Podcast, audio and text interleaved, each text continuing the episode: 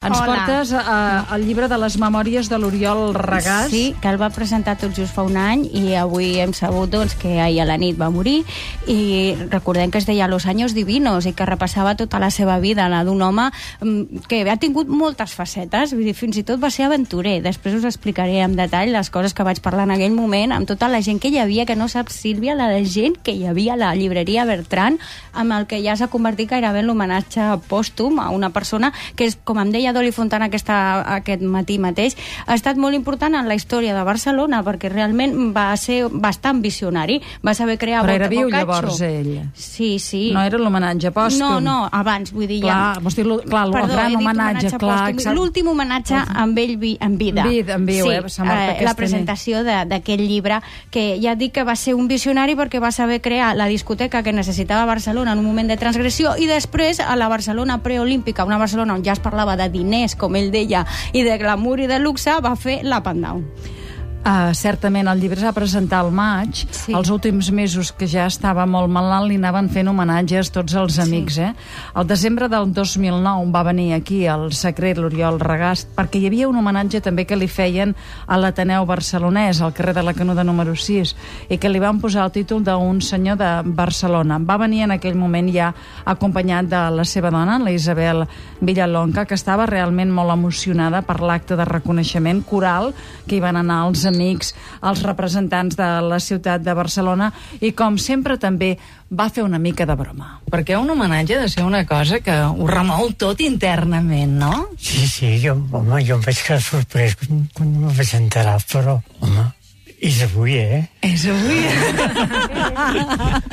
Escolti'm, i què dirà en l'homenatge? Per què li haurà de parlar, senyor Regàs, vostè?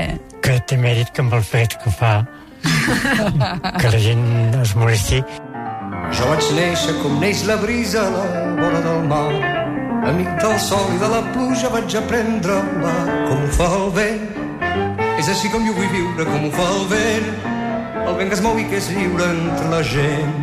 I vaig créixer buscant... La seva dona, la Isabel de Villalonga, parlava d'aquesta manera d'ell. Eh, El que dirà, no ho sé jo, no sé, donarà les gràcies, m'imagino, però jo crec que l'Oriol, l'important és que ha fet moltes coses, però ha deixat un bon record amb tot el món que ha treballat amb ell. Això és veritat, perquè moríem en mi.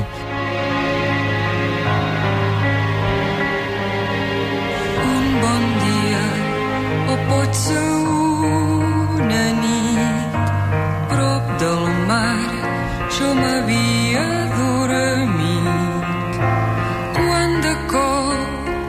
cel s'omple de llum i un ocell negre surt sense venir d'enlloc Amb el mateix Oriol Regàs fèiem un repàs així molt sintètic de la seva vida. Parlàvem de la Goix Divin, d'aquest moviment d'intel·lectuals i artistes d'esquerres que es va estendre a la Barcelona dels anys 60 i començaments dels 70 i del qual Oriol Regàs en va ser un dels membres més actius, ja que la discoteca Boccaccio es va convertir en el seu punt de trobada. Regàs en parlava amb nostàlgia d'aquells anys. Això, als anys 70, Sí. van ser meravellosos, eh? Els anys Per mi I 70. per tothom, eh? La gent tenia ganes de fer coses i la la veritat és que va ser una època memorable i diu, oh, que aquests tios no feien res, eren uns niños bien, tal i qual. Doncs, Uns niños bien ho eren, però feien coses. Sí, clar. i, Era, això sí, això sí, eh? Sí, això sí. Però, bueno, vam treballar tots. Eh?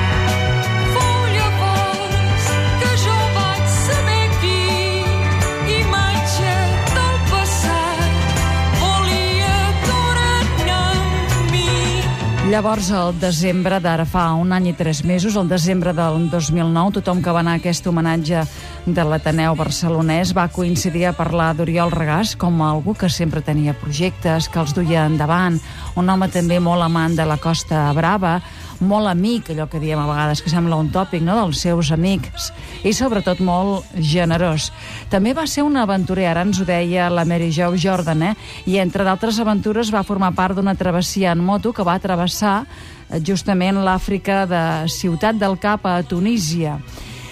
I a l'escenari de l'homenatge hi havia una montesa entre el piano i la butaca. Això era el desembre i mig any després hi va haver la presentació del llibre i va ser com un segon homenatge, no? I mig anys després també l'Eduard Mendoza parlava d'aquesta faceta d'aventurer i recordava que quan ell era jovenet l'adorava, no? I pensava en ell com Errol Flynn, perquè entre una de les coses que va fer que el va copsar molt va ser anar de Hong Kong a Barcelona en junk, navegant. Uh -huh. Llavors, per Eduardo, doncs era com un mite. El descrivia així, no?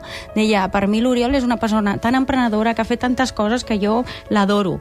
Teresa Gimpera, per exemple, deia que ella va viure al seu costat els seus primers anys de llibertat, que per ell sempre quedarà gravat a la seva memòria, com a Dolly Fontana, que el va viure amb una altra faceta, als 15 anys que va compartir amb ell l'Up and Down.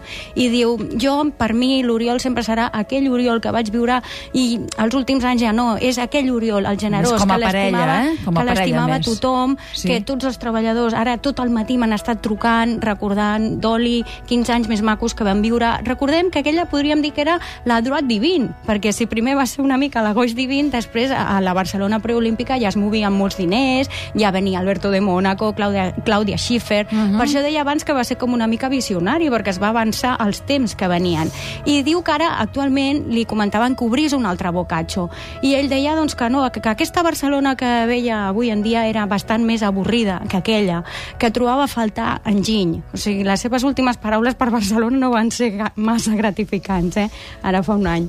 Oriol Regàs, que ha mort aquestes últimes hores, la capella ardent s'ha d'instal·lar, s'instal·larà al tanatori de Sant Gervasi. Però avui la Mary Jo Jordan fa cara de russa. Yes. Sí, tia- no, da, da, da, da, da, perdó, perdó, perdó, Ai, ai, perdó, ai, no, que ai, el, rus, el rus, a- a- l'anglès, a més, a Rússia encara no el dominen massa, Sí, eh? Ens hem de no, no. creure que ve de Moscou o no? Tu què diries? Sí, em va dir que hi no, anava, no. suposo. Però aquí Ah, fa no. una calor, aquí, Jo espero que anessis una mica més abrigada, això anava a dir, Sí, sí, sí, no? sí, jo duia un forro polar i estàvem a menys 4, menys 5 graus i realment he anat amb la firma Mango que presentava la roba de primavera, imagina't. Oh, nosaltres hem vist Sí. aquí el Piqué pel mango. I jo també eh? Home, i ella també hi era. Ah, sí, és Te'n veritat. recordes, Sílvia, que hi érem tots, menys tu. El bon per ella sol, el, bon equip per ella estava sol. allà. És veritat. Sí, senyora. Però aquí per allà i m'heu deixat aquí amb Jo els també nois. estava aquí, eh, Sílvia. T'entenc, t'entenc. T'acompanyo en el sentiment. Doncs l'endemà eh, vam anar cap a Rússia a veure aquesta col·lecció i allà no hi era el Piqué, no hi era. En canvi, qui ens va rebre? Ens va rebre una gran llona. A, a, només anant cap a la plaça Roja hi havia un anunci espectacular, enorme, amb la Scarlett Johansson, que es Ahà. veia sí, amb tres fotos d'ella impressionants, perquè és la imatge mundial de la firma, i ara s'estan implantant a tot arreu. Vull dir, demà mateix desfilen a Xangai. O sigui, estan fent promoció sobretot el que és Rússia, Xangai i Turquia, perquè són els països amb més expansió. I, per exemple, a Rússia, el 2014 ja volen tenir 200 botigues obertes, que es Només diu ràpid, eh?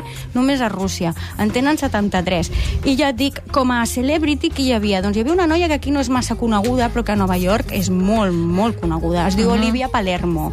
I té el títol de It Girl. Què vol dir It Girl? Doncs és Això una és un nou noia que... concepte, eh? Sí, És un concepte és un nou. concepte, ja, ja, ja fa temps que corre, però diguem que és nou. Aquí a sí. Europa, si més no. Sí. Llavors és una noia que marca tendència, que tot el que ella es col·loca ho barreja de tal manera que a la gent li agrada i la copia. Has vist la Roca dient aquí, que, aquí Sí, a Europa, sí, que ja. bé, ara. Home, és que vaig llegir un article no fa gaires dies que és una noia IT i era una de les notícies sí, més no? llegides en un portal. Després la definició em va semblar una mica decepcionant perquè m'esperava més. És Què això, D'una noia és, IT, és, el és que acaba això, una noia d'explicar. I aquesta noia Marca'm. senzillament era la filla d'un magnat immobiliari que anava molt ben vestida i és guapa, eh? és molt mona. Es diu Olivia, és prima com l'Olivia de Popeye i, i això sí, però, però molt mona, eh?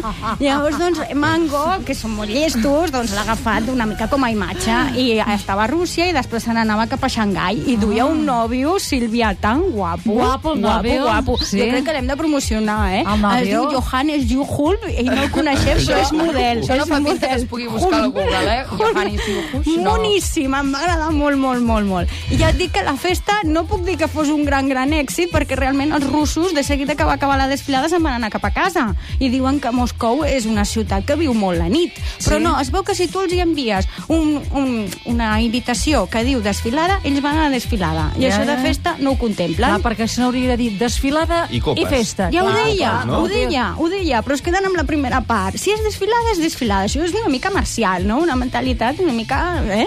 Quadrada. germànica. Sí. Sí. si és desfilada, és desfilada. Llavors, clar, hi havia un DJ molt bo i es va quedar amb 20 persones, pobret, Però eh? tu hi eres. Mm, sí, jo hi era.